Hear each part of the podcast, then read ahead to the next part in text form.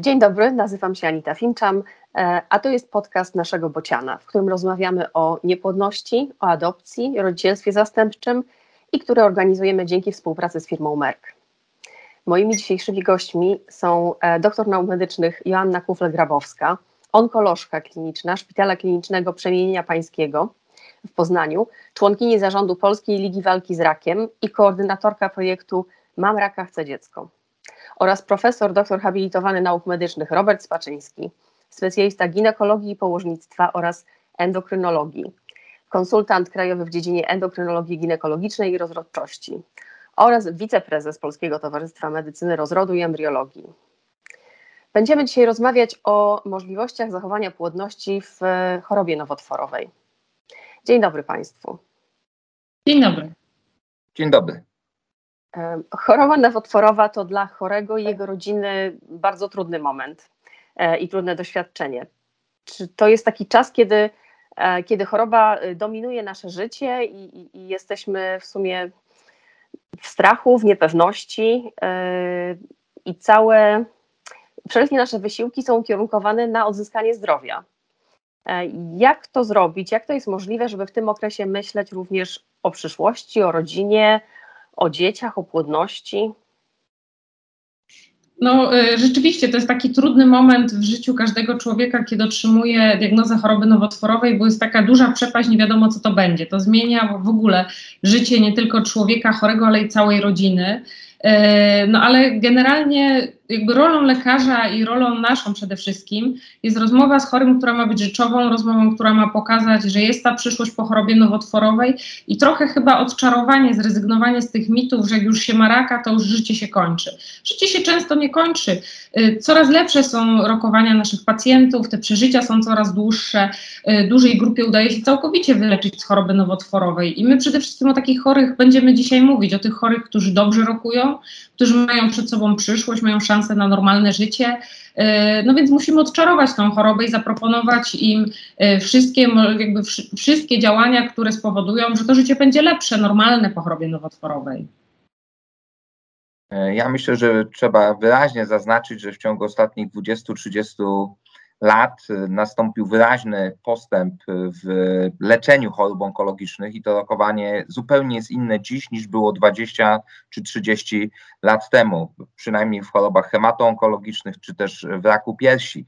Równolegle do tego postępu dokonał się również postęp w medycynie rozrodu, czyli w technikach, które mogą pozwolić nam zabezpieczyć naszą płodność. No i stąd myślenie o takim problemie jest jak najbardziej naturalnym zjawiskiem. Mhm. No tak, dziękuję bardzo. Trzeba sobie rzeczywiście wyobrazić, że to nie jest przepaść, tylko że jeszcze coś jest za tą przepaścią. I tu się pojawia to y, słowo, które nie wszyscy znamy. Oncofertility. Czym jest oncofertility? No to jest tak zwana onkopłodność, czyli zabezpieczenie płodności u chorych onkologicznych. Ja zawsze powtarzam chorych, że w Polsce walczy się z rakiem, e, a nie się go leczy. A z wszystkimi innymi chorobami to działamy w ten sposób, że je leczymy i musimy to odczarować. Jednym z elementów normalnego leczenia i normalnej opieki nad chorym z nowotworem, który dobrze rokuje, jest właśnie to oncofertility, e, czyli zabezpieczenie płodności u chorych onkologicznych. Mhm. To bardzo ciekawe, z, z niepłodnością też się walczy. No nie, my, my, my, leczymy, mhm. leczymy niepłodność, natomiast walczy się czasami z tymi, co leczą niepłodność. No. Różne strategie. No często, no tak, to prawda, trochę, y, y, ale szczerze to pacjenci często też właśnie mówią o, o walce, o walce z niepłodnością. Y, a proszę wiedzieć, czy każdy pacjent onkologiczny jest zagrożony utratą płodności? No, każdy to myślę jest duże uogólnienie, to jakby nigdy nic nie jest na 100%, ale duża część jest. To zależy od tego y, właściwie, jakie zabiegi operacyjne są planowane u chorych. Jeżeli mówimy na przykład o usunięciu jąder u mężczyzn, czy usunięciu narządu rodnego u kobiety, czy napromienianiu okolicy miednicy, no to rzeczywiście to, tu utrata płodności jest bliska 100%. Jeżeli natomiast stosujemy chemioterapię wysokodawkowaną, jak w nowotworach hematologicznych, też jest ogromna szansa na to, że chory będzie bezpłodny, ale właściwie no, skupiamy się przede wszystkim na raku piersi, bo jest to nowotwór najczęstszy u kobiet w Polsce. Teraz w 2020 roku 20 tysięcy zachorowań, ale też nowotwór dobrze rokujący.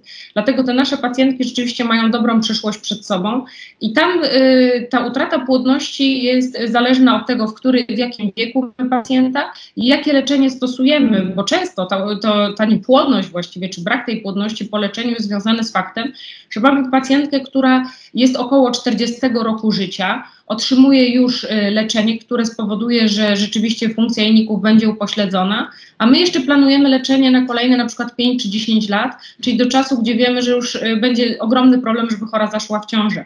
Więc to ma tutaj wiele składowych czynników, które mówią o y, upośledzeniu płodności spowodowanym leczeniem onkologicznym. Czyli w takim razie na czym, na czym może polegać y, zabezpieczenie płodności y, u osób z chorobą nowotworową? E, to po pierwsze musimy się zastanowić, z jakimi populacjami mamy do czynienia. Mhm. Bo de, de, facto o zabezpieczeniu płodności mówimy do końca naszego okresu reprodukcyjnego, czyli na pewno nie będzie to dotyczyło populacji po wieku reprodukcyjnym, który załóżmy określimy na poziomie 40 kilku lat.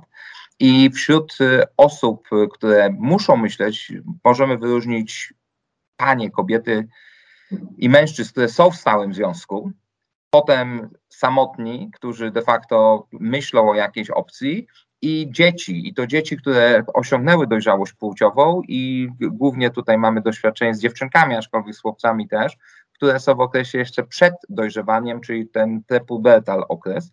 I w zależności od zapotrzebowania tego, jakie mamy, to mamy kilka strategii postępowania.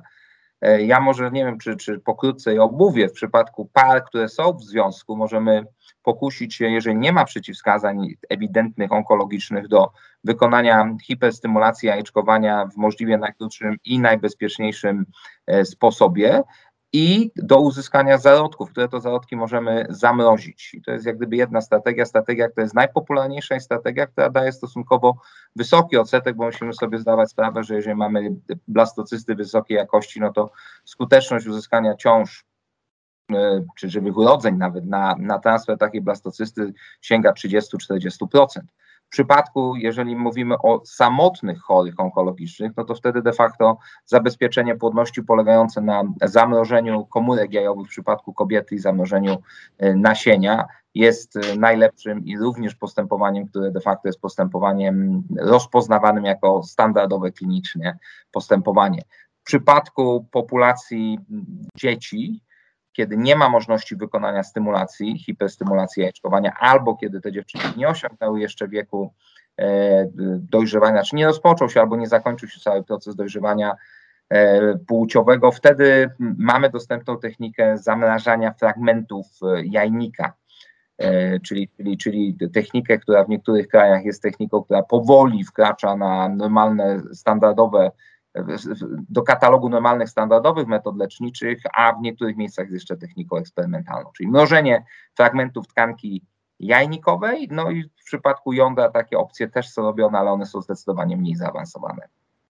Rozumiem. Rozumiem. A czy jest jakieś ryzyko związane z, z pobieraniem tych komórek, czy też tej tkanki e, z organizmów z, z pacjenta, który e, no już prawda? Jest, znaczy, jest pacjentem znaczy, onkologicznym. Mhm.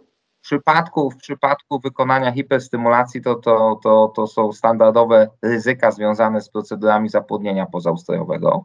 I ja, istnieje również strach przed zastosowaniem hiperstymulacji i zwiększeniem stężeń estrogenów w przypadku estrogenów zależnych nowotworów, ale to zaraz poproszę panią doktor e, Kufel-Grabowską, żeby nam o tym powiedziała. No i jeżeli pobieramy tkankę, czyli fragmenty jajnika, to wtedy no, pacjentka musi przejść operację laparoskopową i ewentualnie po okresie wyzdrowienia, jeżeli myślimy o reimplantacji, pacjentka przechodzi kolejną operację laparoskopową. Oczywiście operacje laparoskopowe są mniej obciążające niż laparotomia, ale też wiążą się z niewielkim odsetkiem pewnych e, powikłań.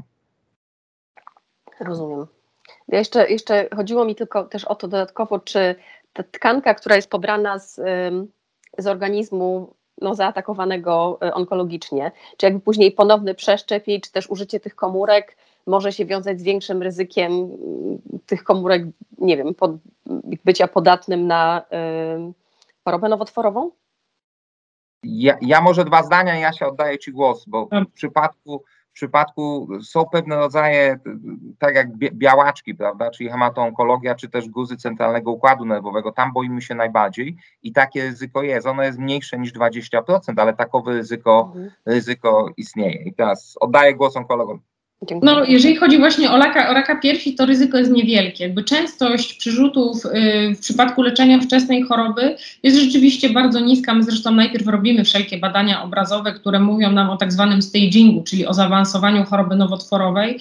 I dotychczas kwalifikujemy nasze pacjentki, czy prosimy o pomoc naszych kolegów, y, specjalistów medycyny rozrodu, jeżeli mamy pacjentkę tylko z ograniczoną chorobą nowotworową do piersi, czy do węzłów chłonnych pachowych, czy podobojczykowych, nadobojczykowych, czyli generalnie generalnie z chorobą, którą można wyleczyć.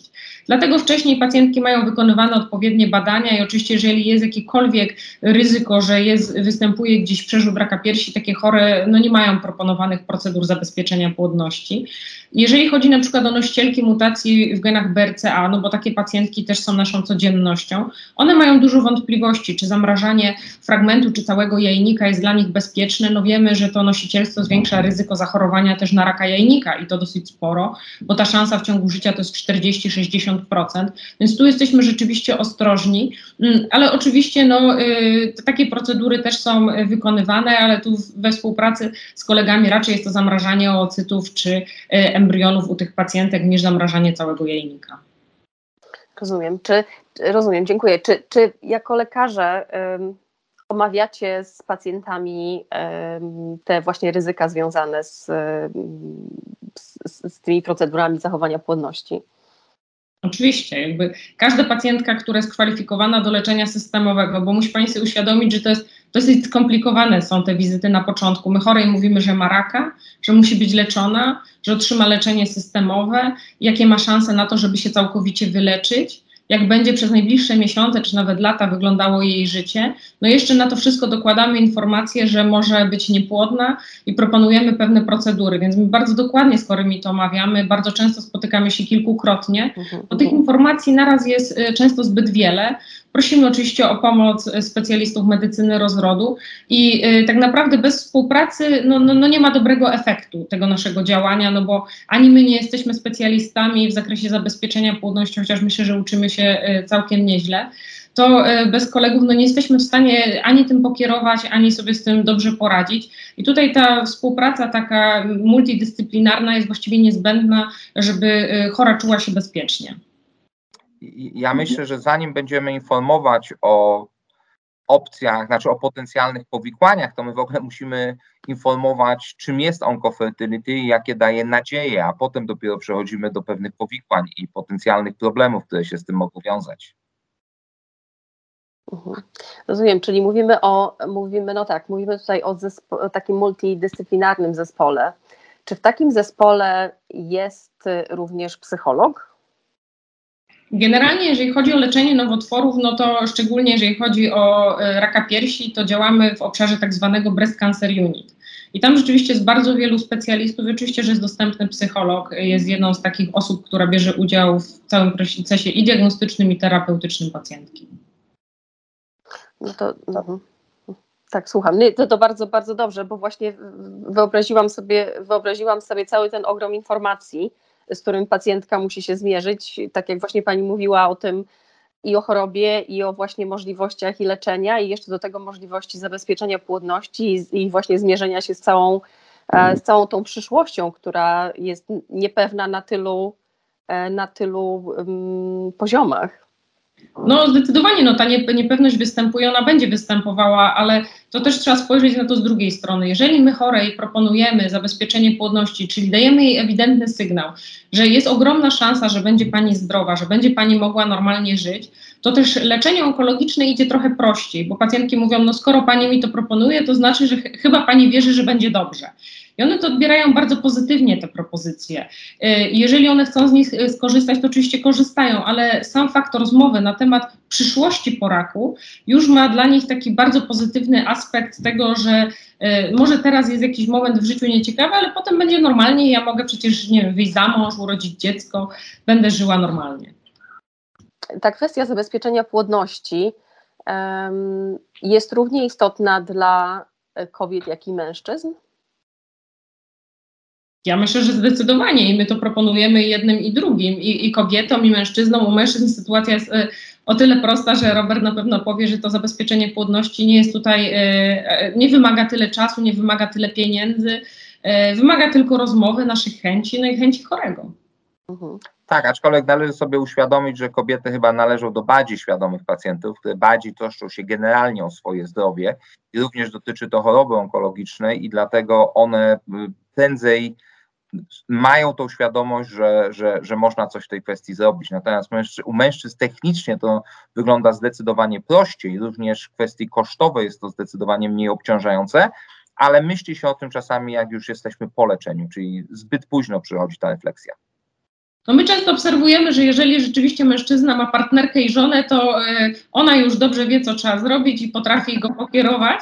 Natomiast jeżeli mamy samotnego mężczyznę, to rzeczywiście te rozmowy tutaj bywają trochę trudniejsze.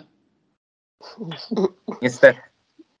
No, tak to niestety bywa w, w, kwestiach niepłodności, prawda? Tu jednak kobiety są częściej tymi e, lokomotywami e, prowadzącymi to, to, to leczenie.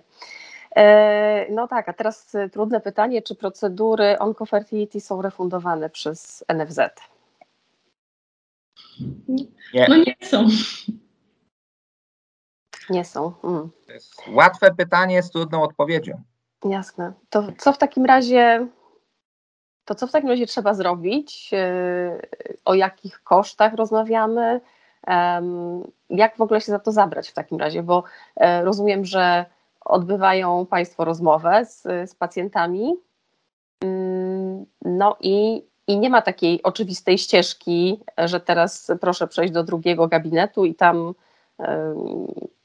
właśnie Państwo uzyskacie y, odpowiednie leczenie, tylko, tylko trzeba sobie to zorganizować i zorganizować również na to fundusze. Mhm. Organizacyjnie myślę, że to nie jest ogromny problem i my tu chyba w ogóle nie mamy w Poznaniu tego problemu, można powiedzieć. Organizacyjnie sobie świetnie poradziliśmy. E, no problem polega na tym, że rzeczywiście część, część, chorych usłyszy, że musi za to zapłacić, jeżeli życzy sobie takiej procedury. Ale to jeżeli chodzi o koszty, myślę, że Robert tutaj będziesz zdecydowanie bardziej zorientowany, ale też e, powiemy, że w Poznaniu mamy program miejski i mieszkanki czy kobiety, które płacą podatki w Poznaniu i mężczyźni mogą mieć taką procedurę wykonaną bezpłatnie, e, ale to są takie pro, programy, które są refundowane ze środków samorządowych. Warszawa i Poznań chyba tylko takie procedury mają i myślę, że chyba żadne inne miasto w Polsce. E, więc jakby wzrost tej świadomości, a także chęci samorządów jest tutaj nam potrzebny, żeby gdzie indziej też było tak dobrze, jak jest tutaj. Co do kosztów, to Robert, Tobie e, oddaję głos. Tak, ja, ja tylko chciałbym zaznaczyć, że tu wyraźnie konieczna jest komunikacja. Komunikacja na lekarz e, pierwszego kontaktu, czyli onkolog. Onkolog, który ma wiedzę, ma informacje i ma wewnętrzne przekonanie, że to rozwiązanie nie robi krzywdy pacjentce lub pacjentowi.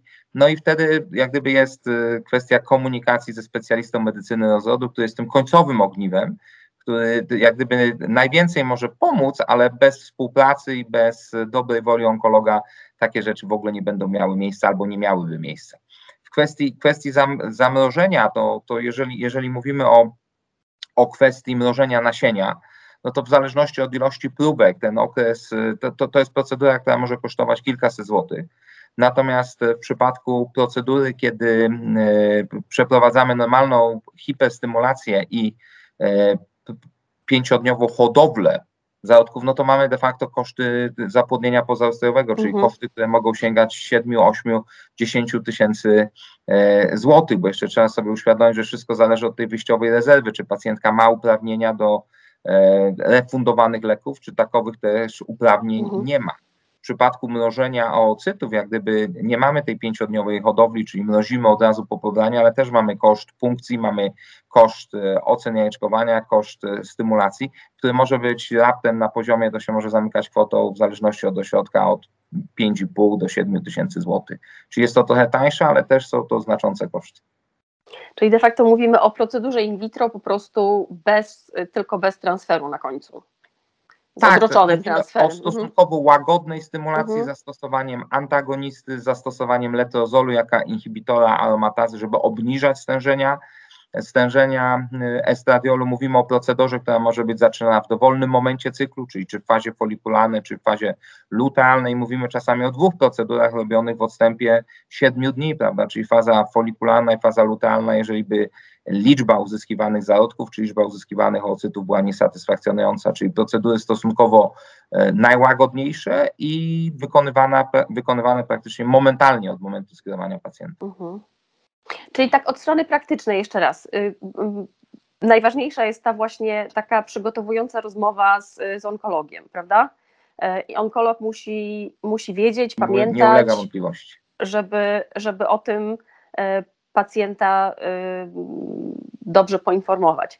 Ale później pacjent musi, musi po prostu udać się do kliniki leczenia niepłodności. Dokładnie. Tak I tutaj też czas jest ważny. To też warto zaznaczyć, że to nie jest tak, że się chora zapisze i czeka w kolejce, mhm. aż gdzieś tam powiedzmy uda jej na wizytę dostać. To jest y, czas, który właściwie my tutaj uznajemy, że 24 do 48 godzin jest optymalnie, no bo jeżeli my chore kwalifikujemy do jakiegoś rodzaju leczenia, często jest to leczenie systemowe, czyli chemioterapia, to też nie możemy tego odwlekać w nieskończoność, bo chore, które są kwalifikowane, po prostu wymagają takiego, takiej terapii. I dlatego ten czas y, tutaj odgrywa rolę. Y, jakby specjaliści medycyny rozrodu potrzebują zwykle 2-3 tygodnie na to, żeby te wszystkie procedury mogły się odbyć. I dla nas to jest optymalny czas, bo to też często jest pytanie, no teraz będę czekała, to rak będzie rósł. To jest taki czas, który nie, powi nie powinien jakby spowodować żadnych negatywnych skutków dotyczących rozrostu choroby nowotworowej, czyli jest to krótko mówiąc czas bezpieczny dla nas. Ale tak jak mówię, podkreślam od początku, bez tej naszej współpracy, bez informacji, co jest z tą chorą, jak ona będzie leczona, ile mamy czasu, no to trudno będzie kolegom działać. Oni muszą wiedzieć, że robią to bezpiecznie, że nie przedłużają tego w nieskończoność. No jakby bez tej naszej takiej rozmowy, no myślę, że te procedury nie, nie mogą mieć miejsca. Jasne. A proszę mi jeszcze powiedzieć w takim razie, czy y, zabezpieczenie e, tkanki, y, tkanki, tkanki jajnikowej no, albo plemnikowej, czy nie wiem, czy, czy, czy to... Znaczy to by, były, to by były fragmenty jądra, ale tego de facto, nie tego, co ja jestem świadomy, to żaden ośrodek -huh. w mhm. Polsce fragmentów jądra w mhm. kwestii usługowej nie robił, co najwyżej w kwestii eksperymentu medycznego. Mhm. Ale tkanka jajnikowa, y, to ta laparoskopia również się odbywa w klinice leczenia niepłodności, czy to już jest y, zabieg szpitalny? Niewiele klinik leczenia niepłodności ma sale operacyjne i takowe procedury przeprowadza. Natomiast są to procedury, które też są kosztowne, więc de facto takie procedury wykonywane by były w klinikach leczenia niepłodności, czyli ośrodkach, które mają, które mają e, finansowanie z NFZ-u. Czyli, czyli taka operacja byłaby jednak e, z, z, ze wsparciem NFZ-u? Tak, operacja tak, natomiast sama procedura e, nie. Ale też myślę, że chyba warto zaznaczyć, że nie jest to procedura dla każdego, jeżeli mamy pacjentkę przed 40 rokiem życia, bo, bo u nas na przykład, jeżeli chodzi o leczenie onkologiczne wśród pacjentek z rakiem piersi, stało się dosyć popularny temat mrożenia fragmentu jajnika. Trochę to też pewnie wynika y, jakby z braku wiedzy I to chyba, Robert, musisz ty mnie wesprzeć tutaj. Czy to jest procedura dla każdego? Czy dla kobiety w każdym wieku, czy pacjentka koło 40, która wie, że przez najbliższe dwa lata nie będzie mogła zajść w ciążę i jak będzie miała 42 lata, będzie przeszczep tej tkanki jajnika, to jest idealna kandydatka?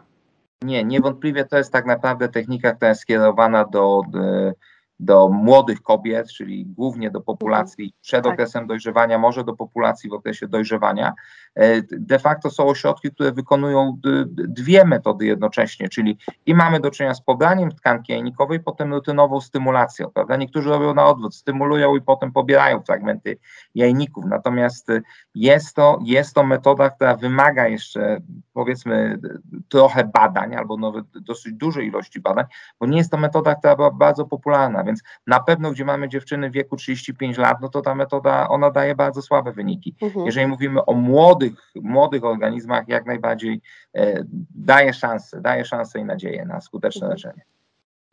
A czy mamy już jakieś badania pokazujące, jaka jest efektywność e, później właśnie z zadziałania tej, tej e, czy też, czy też tych e, zamrożonych ocytów, czy czy właśnie... Znaczy, mroż, mrożone, mrożone ocyty czy mrożone zarodki mhm. to są standardowe procedury, które wykonujemy mhm. również nie tylko ze względów na choroby onkologiczne, ale inne choroby układowe, e, mnożenie względów społecznych w Polsce de facto to są, to jest, zostawmy może ten aspekt sprawy. Zdecydowanie. Natomiast mamy, mamy dane z chorych nieonkologicznych, no i tak jak wiemy, no mamy dojrzałą blastocystę, E, dobrej jakości, którą transferujemy, to skuteczność może być na poziomie 30 kilku, 40 kilku, kilku procent. Jeżeli mamy mrożone ocyty, to ta skuteczność, czyli na jeden pojedynczy ocyt szansa na zajście w ciążę i urodzenie zdrowego dziecka może się wahać w przedziale kilku procent do kilkunastu procent. Mhm. Czyli teoretycznie są badania, które mówią, Anna Kobo takie badania przedstawiała, czyli jakby pionierka witryfikacji ocytów, że jeżeli mamy zamnożonych 10 ocytów,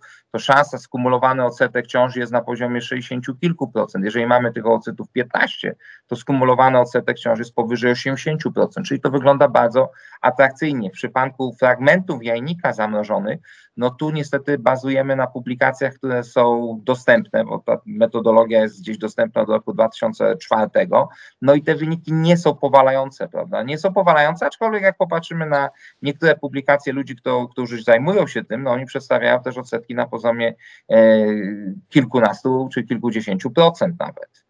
Mhm. Ale czy rozumiem, że nie, wydaje się, że u pacjentów onkologicznych te, te wyniki są podobne, te, mm, jeśli chodzi o, o skuteczność leczenia później i, i ciąż? Po, tak. Podobne, z, tak, tak, to jest porównywalne to, to... z technikami nieonkologicznymi, mhm. jak najbardziej. Okej. Okay. Rozumiem. No to jeszcze teraz, y, znaczy już trochę, trochę Państwo powiedzieli na ten temat, ale mm, ale jeszcze tak, żeby podsumować, co w takim razie e, pacjent, czy też e, rodzice, jeśli mówimy tutaj o, o małym pacjencie, o dziecku, co powinni zrobić, e, żeby, żeby zabezpieczyć płodność, tak po kolei, żeby zabezpieczyć płodność pacjenta? Jeżeli chodzi o dzieci, no to w ogóle temat jest, ja myślę, że dużo trudniejszy niż jeżeli chodzi o osoby dorosłe, bo po pierwsze też mamy tutaj kolejną stację przekaźnikową, czyli rodziców, no bo dziecko może mieć lat 15 i może mieć lat 3. E, I tak samo ma prawo do zabezpieczenia tej płodności. O ile 15-latka sama może się wypowiedzieć trochę na swój temat, no to trudno pytać trzyletnią dziewczynkę, czy zamrozić jej fragment jajnika, czy cały jajnik. Ale generalnie no, postępowanie powinno być takie samo. Wszystkie dzieciaki, które otrzymują chemioterapię wysoko dawkowaną przed przeszczepem, czy radioterapię, no to są dzieci, które będą niepłodne w przyszłości i tego się nie da odwrócić. E, a z drugiej strony jeszcze chodzi tu o czynność hormonalną tych dzieci, o takie działanie endokrynologiczne bo po e, wszczepieniu ponownym jajnika, to poza tym, że te dziewczynki będą mogły zostać mamami, no to one będą miały czynność hormonalną, którą by straciły. E, no więc e, tutaj kwestia znowu rozmowy, rozmowy onkologa z rodzicem. E, wiadomo, że tam sytuacja jest trochę inna. Tam często jest tak, że trzeba działać szybko, bo to są choroby układowe i to oczekiwanie dwóch, trzech tygodni niekiedy jest niedopuszczalne, ale często pediatrzy pobierają czy tam zezwalają na pobranie jajnika po pierwszym kursie chemioterapii, czy w momencie, kiedy właściwie widzimy, że ten dzieciak odpowiada na leczenie w ogóle. Mhm. E, więc to jest trochę bardziej skomplikowane i na pewno trudniejsze są rozmowy w kwestii e, rodzic pediatra czy rodzic hematolog. Ja tylko chciałem powiedzieć, że sytuacja prawna jest taka, że jeżeli mamy nastolatków w przedziale 16-18, to na leczenie wymagana jest zgoda zarówno jak tego dziecka, jak i rodzica, więc tutaj jest jakieś współdecydowanie i takie rzeczy podjąć e, łatwiej, no bo są to już świadoma i wielokrotnie zorientowana w swoim problemie zdrowotnym młodzież. No jeżeli mamy młodszy przedział wiekowy, to, to, to naprawdę jest dużo trudności i dużo do zrobienia. Na początku wspomnieliśmy o akcji Mam raka, chcę dziecko. Na czym polega ta akcja? To jest akcja edukacyjna przede wszystkim. Grupa ekspertów z dziedziny onkologii, ale także też właśnie medycyny rozrodu podjęła taką akcję w kwestii edukacji właściwie i, i specjalistów takich zajmujących się chorymi na nowotwory na co dzień, pacjentów onkologicznych, ale też społeczeństwa, no bo umówmy się, chore onkologiczne, one często są świetnie zorientowane. One znajdują się dobrze w grupach, forach y, i mają mnóstwo wsparcia ze strony zewnętrznej. Ale my chcemy też dotrzeć do osób, które są zdrowe, ale mogą mieć w rodzinie kogoś chorego, mogą same zachorować na nowotwór. Właściwie chodzi o odczarowanie trochę tego problemu onkopłodności. Nie jest to żadna fanaberia, jeżeli chora chce rozmawiać o tym z lekarzem. To jest normalny element y, leczenia chorego onkologicznego, który właściwie ma dobre rokowanie i może zupełnie żyć po chorobie onkologicznej. Brzmi bardzo, brzmi bardzo obiecująco, zwłaszcza to odczarowywanie rzeczywiście.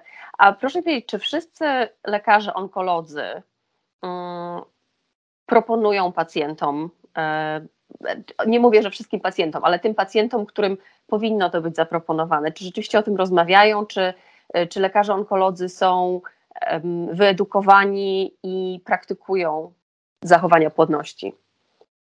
No to jakby znowu użycie słowa wszystkie jest trudne, no bo trudno mi jest mhm, powiedzieć, czy wszyscy rozmawiają. Oczywiście myślę, że duża część tak robi, zwłaszcza jeżeli mamy do czynienia z, z chorymi w wieku rozrodczym. Jest ich coraz więcej, też epidemiologicznie jest coraz więcej nowotworów. E, także właśnie w tej grupie, e, która mogłaby zajść w ciążę, 20% raków piersi to są chore do 50. E, więc to są takie pacjentki, które potencjalnie mogłyby myśleć o posiadaniu dziecka, może nie do 50 roku życia, ale mimo wszystko jest to bardzo duża część chorych. I myślę, że rzeczywiście ta świadomość społeczeństwa rośnie. No, ale też często jest taki trochę, można powiedzieć, e, zapytanie, a tak z drugiej strony, jeżeli pacjenci sami dopytują, to i onkolog zaczyna się orientować w temacie i to jest taka, myślę, obopólna trochę współpraca i temat staje się na pewno takim tematem dnia codziennego. Znaczy, czy ja myślę, że i komunikacja, i informacja nie jest do końca zadowalająca, tak sobie trzeba powiedzieć. No pracujemy nad tym, na pewno nieustannie. Pracujemy. Pracujemy nad tym. Ja przyznaję, że dowiedziałam się dzisiaj od Państwa bardzo, bardzo, bardzo dużo i um, mam ogromną nadzieję, że lekarze onkolodzy będą proponować pacjentom to leczenie i będziemy się leczyć i oby było więcej takich miast jak Poznań i, um, i Warszawa, które, które refundują to leczenie. E, I, I najlepiej by było jeszcze, gdyby centralnie było refundowane, prawda? E, bardzo Państwu dziękuję. E, jeszcze raz, to było bardzo, bardzo ciekawy, zupełnie, zupełnie inny temat dla nas i um, liczmy na to, że i pacjenci będą, będą mądrzejsi dzięki temu i w sytuacji, kiedy będą musieli się zmierzyć z tym tematem, to, to trafią też na mądrych onkologów i dobrych lekarzy leczenia niepłodności i uda im się zakończyć e, tę historię onkologiczną w ten sposób, że mogą dalej ze swoim życiem działać normalnie. Dziękuję Państwu serdecznie. Dziękuję bardzo. Dziękuję bardzo.